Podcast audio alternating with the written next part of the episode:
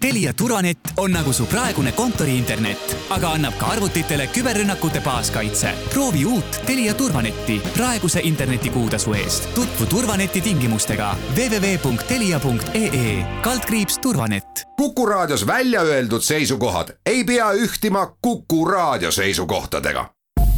Te kuulate Kuku raadiot. majandusruum tere, head Kuku raadio kuulajad, eetris Majandusruum ja stuudios ajakirjanikud Harri Tuul ja Liina Laks. räägime seekord eh, siis eurorahade jagamisest eh, suletud uste taga. Eh, samuti aru, arutleme paari värske analüüsi ja uute andmete põhjal, et kui suure põntsu siis Eesti majandus on saanud ja, ja mis tulevik toob, et kes näiteks võiks olla uus majanduse vedur. et esimesed sellised märgid on juba, juba tegelikult näha aga saate teises pooles on meil külas Wolti Baltikumi tegevjuht äh, Liis Ristal, kellega räägime siis nii ettevõtte käekäigust, räägime digiplatvormidest, võib-olla natuke laiemalt ja, ja üldse kullerteenuse tulevikust, aga alustame siis eurorahade jagamisest, et siin eelmine, eelmisel nädalal oli ju ütleme ajal, kui kõik eetrid ja ja kogu tähelepanu köitsid katuserahad ja ütleme seal siis kokku siis alla seitsme miljoni euro. viie tuhande ja kümne tuhande ja ma ei tea, selliste noh, ütleme mitte väga suurte summade kaupa, et siis samal ajal näiteks neljapäeval kogunes äh, valitsus vaikselt ja jagas siis eurorahad äh, laiali. tervist ka minu poolt. et nii see juhtus tegelikult, ega kui valitsus, me ütleme, et jagas, et hetkel ta polegi nagu suurt midagi jagada. et äh, siin Euroopa Liidus ei ole üldse otsustatud, et äh, millal ja kunas see pott tuleb. aga loodetakse, et siin äkki juba see nädal saadate, saadakse kompromiss ja siis uuel aastal lähevad need rahad voolama. aga siis äh, mis need rahasummad ja Oi, millest summa, me räägime? summad on nii suured, et nulle on nii palju. aga seal summad on siis sellised, et no põhimõtteliselt kokku oli niimoodi nibin-nabin seitse miljardit, see pott võib ka suureneda. aga äh, siis üldiselt oli ka niimoodi, et millest äh, noh, kõige rohkem siis äh, paksu verd tekitas, oli siis umbes miljardi euro suurune pott et kui noh, ülejäänud raha te, umbes teati ära, et see on see Euroopa Liidu eelarveperiood ja kõik teadsid umbes, palju nad saavad. siis kevadel, kui koroonakriis alguse sai, siis Euroopa Liit ütles, et ahaa, et aga teate, me anname teile nagu ekstra nüüd selle kriisi siin kriisiga võitlemiseks anname miljardit palju ja Eestile siis pudenes see, et noh, niimoodi lubadusena üks ja natuke peale. ja siis kõik mõtlesidki, et ohoo, et siin on mingi lisamiljard, et me hakkame ka saama ja siis selgus, et äh, valitsus oli teinud otsuse, et midagi ei saa.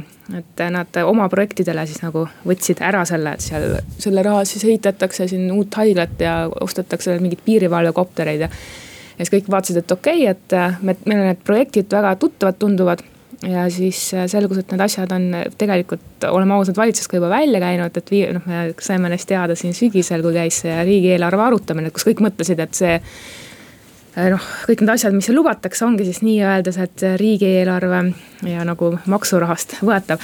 aga siis ettevõtjad tõstsid kisa, ütlesid, et okei okay,, et meil on siin kriis käimas ja me tahtsime nagu investeeringuid näha. ja siis sellest nagu miljardist, mis see nii-öelda taaskäivitamisraha on noh, mis on nagu selleks mõeldud, et okei okay,, me investeerime kõvasti ja noh, et majandus jälle käima saada. et sealt vist nelikümmend miljonit oli otseselt mingi ettevõtlusega seotud tegevusi ja noh, nad ütlesid okei okay,, et vähe-vähe, see on üks asi, aga teine asi oli see, et noh, niipea kui see miljard välja käidi Euroopa Liidu poolt, siis kõik hakkasid muidugi seal noh, valitsuse ja ministeeriumide ukse taga kiibitsema, et noh, andke meile ka, eks ole, nagu ikka käib.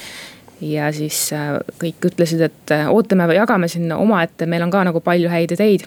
ja siis äh, jäeti huvigrupid kõrvale ja huvigrupid on siis vihased, et nad kõrvale jäeti ja midagi ei saa nojah, sisuliselt äh, noh, jagati nii-öelda noh, ma ei saa öelda, et valimislubadusteks, aga nii-öelda omade vahel ära ja, ja kogu raha kulutatakse ka riigisektoris ära nagu, nagu ka riigieelarve poolt, et hiljem saame rääkida sellest, et näiteks kõige tugevam värbaja, inimeste pea äh,, palkaja saab ka olema lähikuudel või lähiajal kindlasti riik, vähemalt niimoodi näitas palgainfoagentuuri uuring, et ähm, mida siis ettevõtjad lootsid ilmselt on see, et, et ka nemad saa-, saavad sealt noh, võib-olla suurema turgutuse, et, et majandused siin seisavad, võib-olla ka innovatsiooni mingisugused. eks ole, innovatsiooni panustamisesse mingid meetmed, ma ei tea, kasvõi siin mõtleme kasvõi.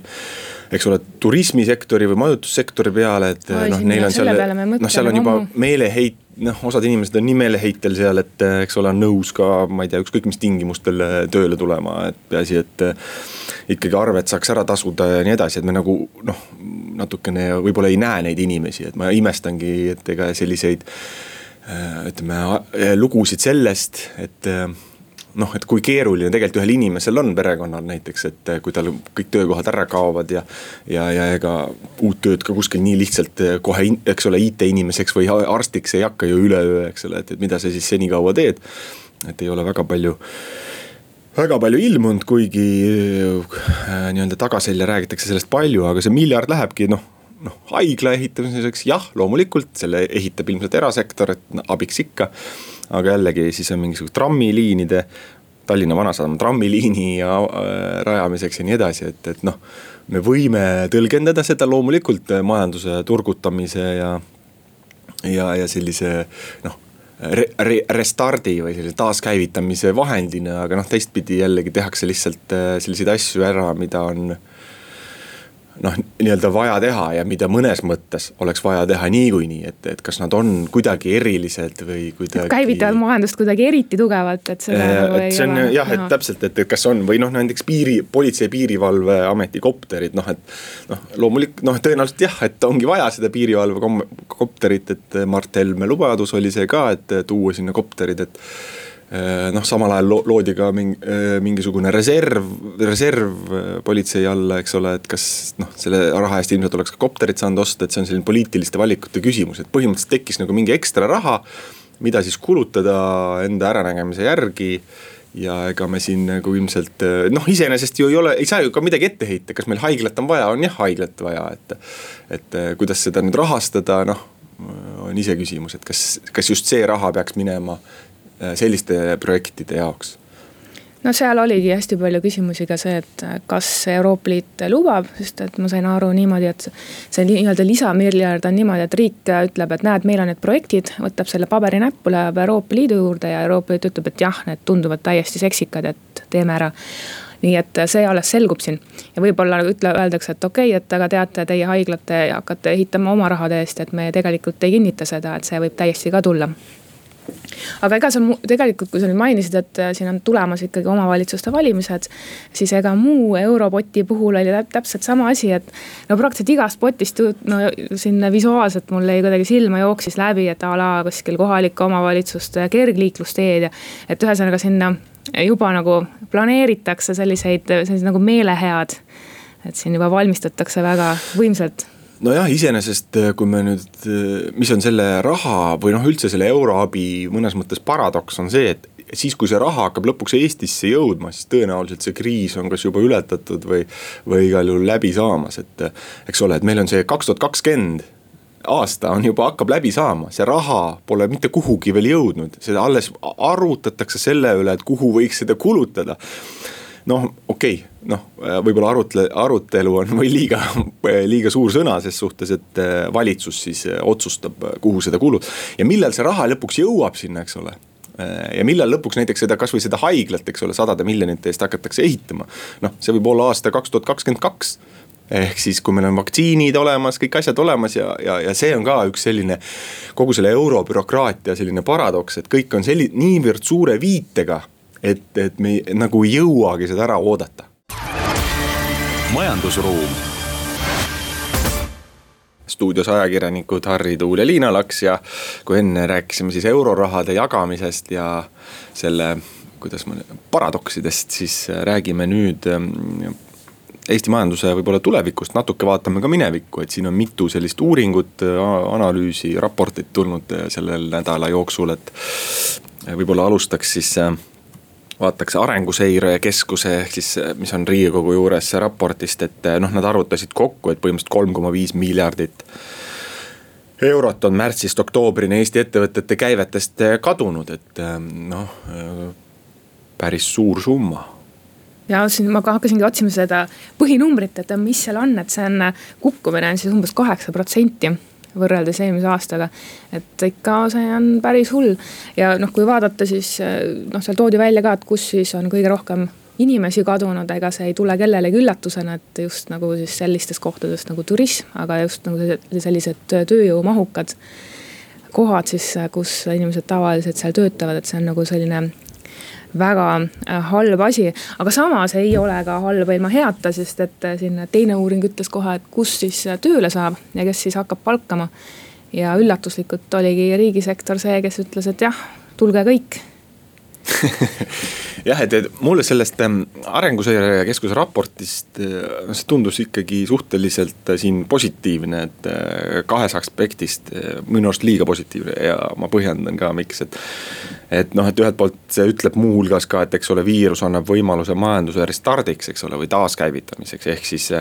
ja siis kiirendab sellist digitaliseerimist, et ma usun, et ühelt poolt kindlasti, et kuna kaugtöö noh, need võimaluste loomine sunnib lihtsalt võtma kasutusele mingisugused lihtsad programmid aga samas ma sellist mingisugust väga suurt arenguhüpet majandusele ei oota ja, ja asi on lihtsalt selles, et kõik riigid lihtsalt ujutavad rahadega üle ja, ja, ja, ja, ja see hoiab selliseid ka vanu paljuski selliseid vanu ja võib-olla aegunud mudeleid, ärimudeleid ka elus veel endiselt ja, ja ma arvan, et see nüüd nii noh, ütleme ma nii optimistlik ei ole, et, et need nüüd üle parda visatakse ja tulevad hoopis uued ja uuenduslikud ja hoopis teistsugused täiesti digitaliseeritud mudelid, et see asi võtab palju rohkem aega, et. et meil pigem me näeme esimesi tagasilööke, et, et kui me siin kevadel ja suvel näiteks noh, lihtsalt see ei ole küll ärivaldkond, aga ütleme koolid, eks ole, kõik rõõmustasid, oi, et kui hästi siin ikka digi digikool töötab, eks täna me tegelikult ei taha enam äh, sinna tagasi minna selle kodu, koduõppe pea, nii, niinimetatud kaugõppe peale. sina kui lapsevanem, kas sa oled valmis selleks? noh, eks mina, eks peab alati valmis olema, aga minu arust on selline õpetlik näide, et, et sa ei saa kõiki asju ära viia, ära digitaliseerida ja nii edasi ja, ja, ja, ja ja ka äri poole pealt, et inimesed jah, et on meeskondi, mis on Äh, noh, saab kaugelt töötada, aga noh, on samas on väga palju sellised tippjuhid on rääkinud ka Eestis rääkinud seda näiteks, et. et kaugtööle saab minna siis, kui sul on see meeskonna vaim on nii-öelda loodud, et siis saab kaugtöölt minna, aga kaugtöö kaudu meeskonna vaimu luua. on palju keerulisem, et vot need, need protsessid hakkavad palju rohkem, ma arvan, neid arenguid mõjutama ja noh, lisaks jah, raha, eks. et kõik, kui kõigile noh noh, meil on siin mingit sektoritele nii-öelda ei anta raha. aga Euroopas ju põhimõtteliselt isegi Saksamaa on esimest korda ma ei teagi vist üldse noh, ütleme kaasaegses ajaloos võtab, eks ole, võtab ütleme, viib riigieelarve miinusesse, maksab, maksab, maksab, maksab inimestele peale, peale raha. ja ma arvan, et see hoiab tegelikult mitte ei vii arengut edasi, vaid see hoiab vastupidi tagasi, kuna noh, see teeb nagu noh, lihtsalt teeb mugavaks. no sa ei pea midagi muutma, sest noh, sa tead, et riik, küsid riigilt juurde ja elu aga, on nagu okei okay,. ja et ma loodan, et ma eksin ei no aga kui sa vaatad näiteks seda Euroopa Liidu võlakirjaprogrammi, et kõik ütlesid, et vau, et kuhu, vaata, kus siin keskpank trükib, trükib.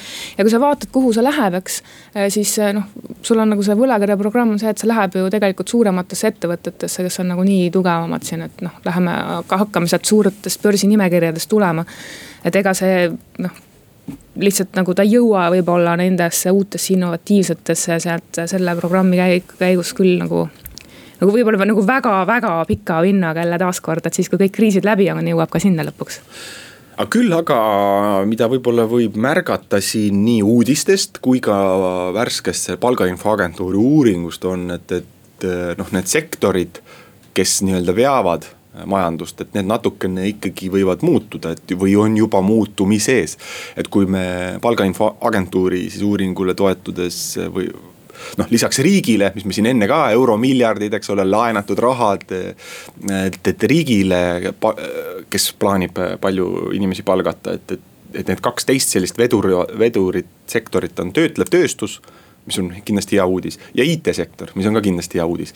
lihtsalt noh, ütleme IT-sektori puhul võib-olla kõik inimesed kohe sinna, noh, ütleme sinna üleminek ei ole nii lihtne kui noh töötlevasse tööstusesse, kus ikkagi jah, vajab ka ümberõpet, aga see ümberõpe on võib-olla lühem kui näiteks IT-sektoris, aga IT-sektori ka uudised on sellised, on siin viimase nädala jooksul on tulnud noh, sadades tööpakkumisi jällegi, et äh, kui me vaatasime, Transferwise otsib sada kuutekümmet viis inimest, Helmes otsib kuskil peaaegu poolsada inimest, Mil-, Milram Robotics otsib poolsada inimest ja nii edasi, see on ainult kahe päeva jooksul tulnud sellised uudised on, äh, lihtsalt loetlesin praegu, et.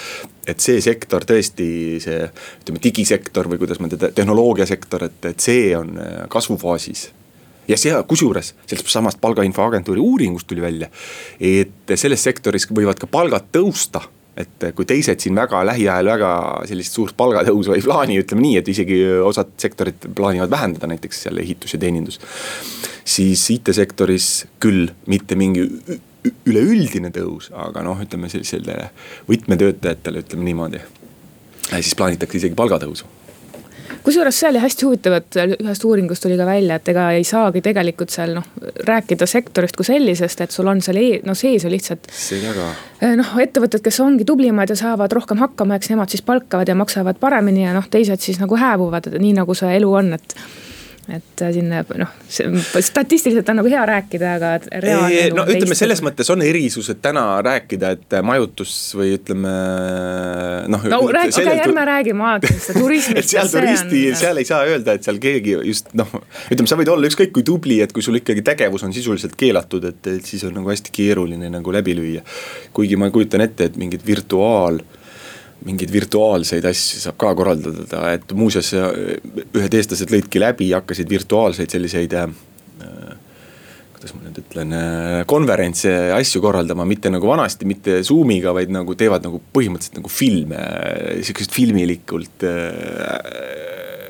noh, filmilikult põnevaks teevad selle asja aga ühesõnaga, et äh, ma ei teagi, et äh, sellised kahetised tunded on, et, et kuhu poole see majandus äh, siin liigub. oled sa optimist või pessimist? no mulle tundub ikkagi, et, et siin eks see suvi, suveks on asi natukene selgem muidugi, et ega raske on midagi ennustada, aga kui need vaktsiinid nüüd tulevad, siis peaks ikkagi mingid asjad jälle taas käima minema ja noh, see, see, mis riigid teevad, need kulud on ikkagi väga suured ja need võiks kuidagi majandusele ütleme majandust vee peal hoida aga ikkagi tuleks ka vaadata, et noh, nendes sektorites, kui inimestel on raske, et kas me saaksime neid kuidagi aidata. majandusruum. jätkame saatega, stuudios ajakirjanikud Harri Tuul ja Liina Laks ja meil on külla tulnud Wolti Baltikumi tegevjuht Riis, Liis Ristal no kuidas see, võtaks korra selle aastale, vaataks tagasi, et kas, milline see on olnud teie jaoks, et kas on olnud nagu Ameerika mäed või või kuidas te ise seda iseloomustaksite? tervist, tänud kutsumast. see aasta on olnud äh, meile äh, üllatusi pakkuv, ma arvan kõikidele inimestele, ettevõtetele üllatusi pakkuv, üllatusi täis, et kas äh, just Ameerika mägedelaadseid üllatusi on olnud nii ekstreemsusesse ma ei läheks, kuna Wolt on, on idufirma oma olemuselt, siis idufirma DNA-sse on sisse kirjutatud äh, Ameerika mägede laul, taoline ähm, seiklus ja tempo. ehk siis meie jaoks on olnud äh, rohkem üllatusi kui tavaliselt. aga me oleme nendeks üllatusteks olnud ka osaliselt valmis. no üks selline teema ju, mis tõstatus ja mis on Woldiga vahetult seotud, on, eks ole, see kontaktivaba toiduvedu, mis mõnes mõttes aitas ka restorane või pakkus mingit alternatiivi neile teistpidi ma saan aru, et teil tekkis ka näiteks järjekorrad uks, ukse taha, et saada kullerina nii-öelda tööle, et. äkki kirjeldate neid natukene, neid sündmusi? jaa, märtsis, kui me nägime, et olukord ähm, hakkab minema kriitiliseks siis me panime kõik oma vähesed arendusjõud selle taha, et ähm, arendada välja kontaktivaba koduvedu kui ähm, eelmääratud tingimus äpis klientidele tellimuste esitamiseks. ja samamoodi me viisime sama protsessi sisse ka restoranidele. ehk siis esimene nädal, kui Eestis äh, valitsus kehtestas piirangud, siis oli meil äh, teenus valmis. Ähm, see on meie jaoks oluline, oluline esimene samm pandeemiaga võitlemisel, kuna see tagab ahela, kus mitte ükski osapool ei ole üksteisega kontaktis. ja me saame läbi selle garanteerida, et kliendid saavad turvaliselt tellida ja turvaliselt kodus püsida. sest sõnum, mida on kandnud äh, avalik kommunikatsioon ja meie enda kommunikatsioon klientidele läbi aasta on olnud see, et palun püsige kodus. olge kodus, kodus te saate olla nii, nagu te soovite. ja, ja te saate olla turvaliselt. Et see oli esimene, esimene samm, mida me tegime ja kriisi süvenedes kevadel, julgen, julgen kasutada sõna kriis. Ähm, kriisi süvenedes ähm, me nägime, kuidas piirangud mõjutavad meie restoranipartnerite äri. ja, ja kuidas äh, on tööturul tekkinud tööotsijate laviin, kui nii võib öelda. siis meie pakume oma kullerpartneritele võimalust töötada nii vähe või palju, kui nad soovivad ehk siis kõik inimesed, kes, äh, kelle töökoormust vähendati või kelle palku vähendati, äh, oleksid teoreetiliselt leidnud meie juures võimaluse, kuidas enda vähenenud sissetulekut kompenseerida. ja tulemus oli tõesti see, et meil oli mitu tuhat inimest järjekorras, kes soovisid äh, kullerpartneriteks saada. me oleme aga võtnud endale kohustuse või, või leiame, et see on meie meie jah, kohustus vist ongi kõige parem sõna, mida kasutada, kuigi ta kõlab väga karmilt. et see on meie, meie kohustus tagada äh, tasakaal platvormil nõudluse ja pakkumise vahel. ehk siis me ei kaasanud rohkem partnereid, äh, kullerpartnereid, kui meil oli klientidepoolseid tellimusi. sest me teame, et kui me kutsume kullerpartneri enda platvormile oma teenuseid pakkuma, oma aega meile pakkuma siis me peame tagama talle ka sissetuleku. Äh, vastasel juhul tekib ebaaus suhe ja, ja see ei lähe kokku meie väärtuste ja meie põhimõtetega. aga kas need kullerid teil, ma tahtsin küsida, kes need on, et, et kas need on, ma ei tea, kas nad tulevad mingist sektoritest, kas nad on, kui erinevad inimesed need on, et ma ei tea, võib-olla mõni huvitavam näide, meil on Eestis platvormil üle kahe tuhande kullerpartneri ja ma usun, et ta on suhteliselt hea läbilõige Eesti elanikest. meie kõige nooremad kullerpartnerid on kuueteistaastased poisid ja tüdrukud, kes töötavad nädalavahetustel vanemate lubade ja õnnistustega ja kelle eesmärk on äh, koguda piisavalt raha, et osta uus ähm, mänguarvuti või osta uus telefon või lubada endale midagi, mida tavaline kuueteistaastane lubada ei saa ja teine äärmus on meil ähm, pensioniikka jõudnud vanemad härrad ja prouad, kes teevad seda tööd sellepärast, et nad ei taha üksi kodus olla.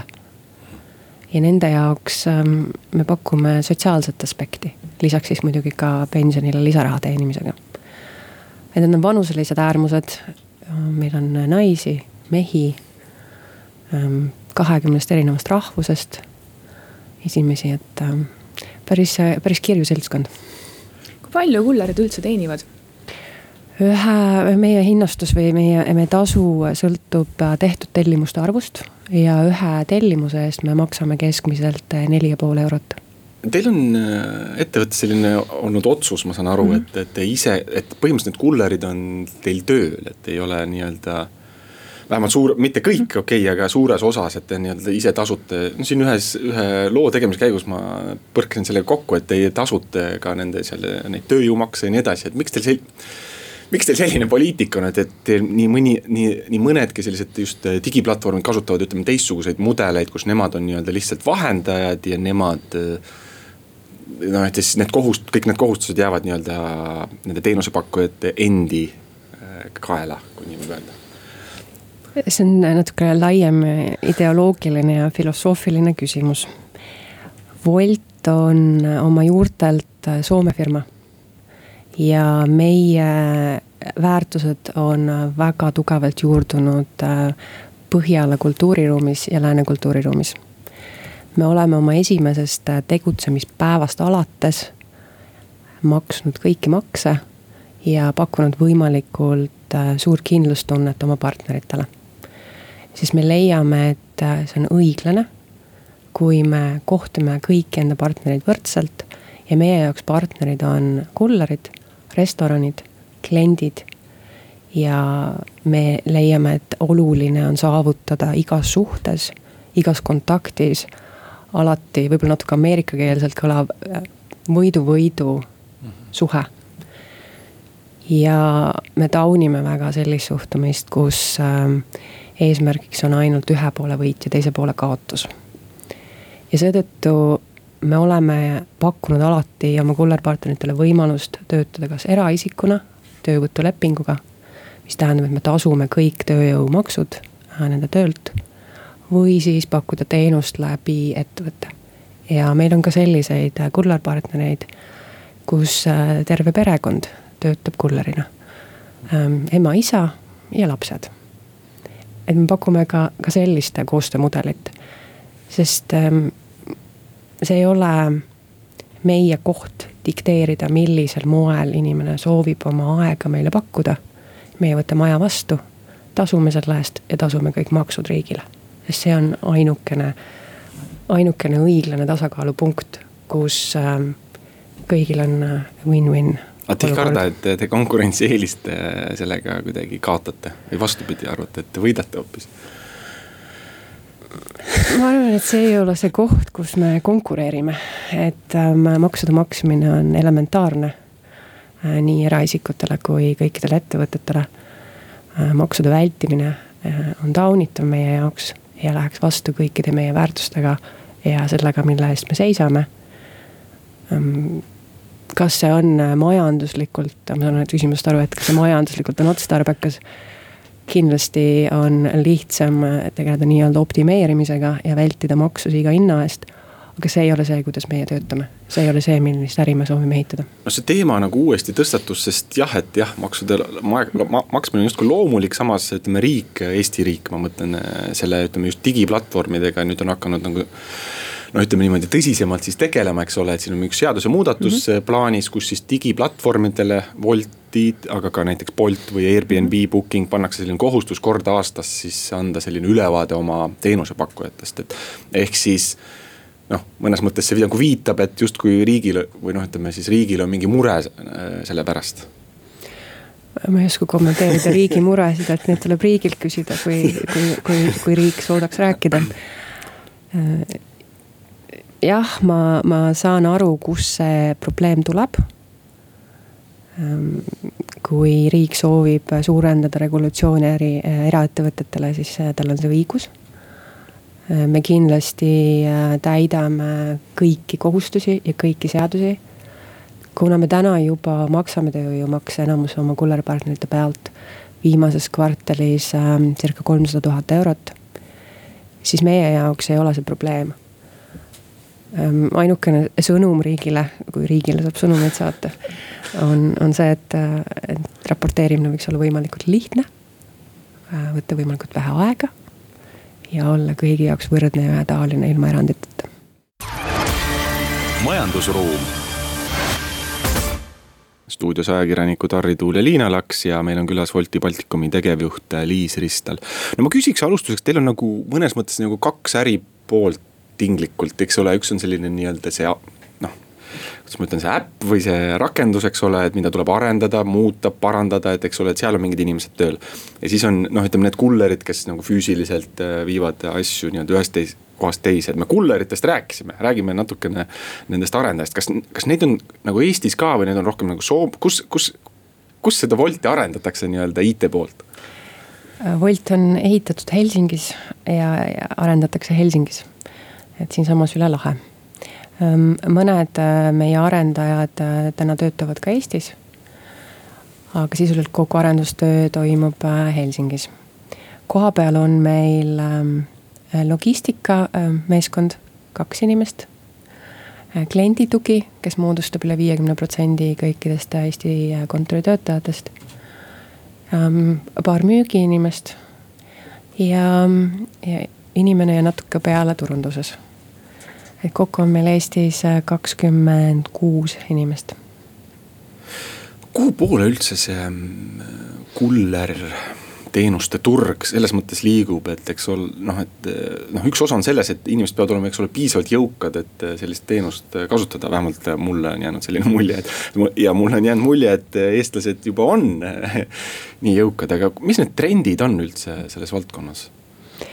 Eesti on trendikurvi suhteliselt alguses. meie oleme olnud turul täna natukene üle nelja aasta. ennem Woldi tulekut oli äh, restoranitoidu kojukandesektor suhteliselt nišiseisundis. viimased neli pool aastat oleme me seda mm, algused üksinda, nüüd äh, koos tugeva konkurendiga kasvatanud. aga ma julgen öelda, et äh, kategooria on endiselt lastekingades. eriti kui vaadata seda, mis toimub Aasias või Lääne-Euroopas. Täna Lõuna-Koreas näiteks tellib keskmiselt iga elanik aastas kümme korda endale toitu koju. aga mis Eestis on siis võrdluseks? Eestis ma arvan, et kogu kategooria penetratsioon on kakskümmend protsenti, võib isegi vähem. sest Eestis on see teenus koondunud peamiselt kahte linna. ja see paneb juba piirid paika. Lisaks Eestis on täna juba vähem, aga veel paar aastat tagasi oli väga tugevalt kuulda erinevaid väärarvamusi, müüte ja tabusid. kaasa arvatud seda, et see teenus on kallis. nagu ka te ütlesite praegu. et, et sellis-, selliseid ähm, klientide seisukohti ei muuda üleöö. aga kindlasti me muudame seda. Mulle endale meeldib mõelda, et eh, tulevikus eh, on kodus toidu tegemine kõigest hobi. mitte igapäevane kohustus, igapäevane tüütu kohustus. täna ta veel Eestis seda on, kui vaadata statistikaameti viimaseid vaba aja kasutamise uuringuid. siis üks Eesti naine veedab keskmiselt iga päev toidu tegemisele poolteist tundi. pluss pool tundi toiduainete ostmisele, iga päev. See on kaks tundi kokku, mehed ei veeda nii palju aega. ja kui nüüd mõelda, et, et selle aja võiks äh, panna ähm, hobidesse, endaga tegelemisesse, õppimisse, perega aega veetmisele, lastega mängimisele. siis, siis äh, me näeme sealt lisaväärtust ja see on ka see peamine faktor, mis seda kategooria tarbimist ähm, hoogustab. Et me suudame anda inimestele aega juurde. ja kui nüüd mõelda, et äh, kas see, mida me teeme, on kallis, siis mul on väga lihtne küsimus, palju on teie aeg väärt? okei okay,, aga ma küsin siis niipidi, et kas Eestis üldse näiteks Tallinnas ja Tartust väljaspool on üldse võimalik äh, selline teenus? noh, selles mõttes rentaabel jah, see ongi kaks, kaks küsimuse poolt, kas on võimalik, võimalik on, kas on rentaabel. Äh, sõltub ka, kuidas rentaablust defineeritakse. Äh, meil on Woldis äh, väga kindel suund sellele, et kohalik, kohalik ettevõte, ehk siis näiteks ka Eesti ettevõte. peab olema kasumlik ega ei saa elada ähm, peakontori või, või investorite substitutsioonist ja, ja seetõttu meie oleme enda äri arendanud niimoodi, et me üritame olla kasumlikult rentaablid. Ja seetõttu me oleme ka täna ainult kahes linnas. kas on plaanis ka kuskile mujale linna minna või ongi need kaks ainsad ja jäävadki ainsaks? meil on järgmine aasta plaanis paar seiklust Tallinnast ja Tartust välja aga kui nüüd Läti ja Leeduga võrrelda ja siis, ja siis ütleme kõrvutada Eestiga, et, et kuidas siis oleks, et te ju kogu Baltikumi nii-öelda juhite või näete, mis seal toimub? Ehm, Eesti, Läti, Leedu on täna kõik kolm riiki natukene erinevates arengupunktides, mitte ainult meie kategoorias, vaid ka nende majandus on erinevates kohtades. Äh, Leedu ähm, on hetkel Baltikumi imelaps ja Lätis ähm, on vaja veel tegeleda mõne taagaga, et majandus saaks kiiremini liikuma hakata ja see kajastub ka meie sektoris, et me ei eksisteeri vaakumis või eraldi kogu äriruumist. kui rääkida konkreetsemalt äh, linnadest, siis äh, siis tagasi tulla selle juurde, et mis on linna definitsioon. mitu inimest peab elama selleks, et me saaksime ühte asulat kutsuda linnaks. Ja... aga mis on teie definitsioon ütleme teie ettevõtte vaatest me oleme aja jooksul seda definitsiooni muutnud, sest me ju areneme ja õpime ja kui Wolt Eestis alustas, siis äh, ka Eesti oli üks suur seiklus ja eksperiment. Kuna arvati, et nii madala ostujõuga ja nii väikses linnas nagu Tallinn ei ole võimalik seda teenust kasumlikult pakkuda mm.. täna me oleme selle väite ümber lükanud ja, ja tõestanud, et jaa, on võimalik ka Tallinna suuruses linnas teha äri, ehk siis minu definitsiooni järgi teenida kasumit siis me läksime Tartusse. Tartu on natukene väiksem kui Tallinn. Me oleme ka seal kenasti ähm, jõudnud eesmärkideni. ja nüüd me võtame ette siis järjest väiksemaid linnu, niikaua kuni me jõuame kohta, kus ähm, et see ei ole enam rentaabel meie jaoks no kuidas see konkurents äh, turul nüüd on, et äh, noh, muidu olid sellised kohalikud väikesed ka mõned kullerfirmad, aga nüüd on, ütleme siis Bolt ka lisandunud ja ma ei tea, kas veel keegi on tulemas, et äh, kas see on, parandab olukorda või on, või on noh, ütleme tüliks teile väga tervitav on see, et konkurente tuleb järjest peale. ja mis koroona meile tõi, ongi konkurentide rohkus Äh, minu arust hea näide on, on üks äh, viimaseid Swedbanki reklaame, kus äh, reklaamis kutsuti üles, et tule anna, võta väike laen ja tee enda kullerfirma. et, ähm, et väga tervitav on, sest mida rohkem on tegijaid, seda kõrgem on, on tiigis vesi ja mida kõrgem on vesi, seda kõrgemale me tõuseme. Aga aitäh, meil oli stuudios Wolti Baltikumi tegevjuht Liis Ristel, stuudios olid ajakirjanikud Harri Tuul ja Liina Laks, kohtumiseni majandusruumis järgmisel nädalal. majandusruum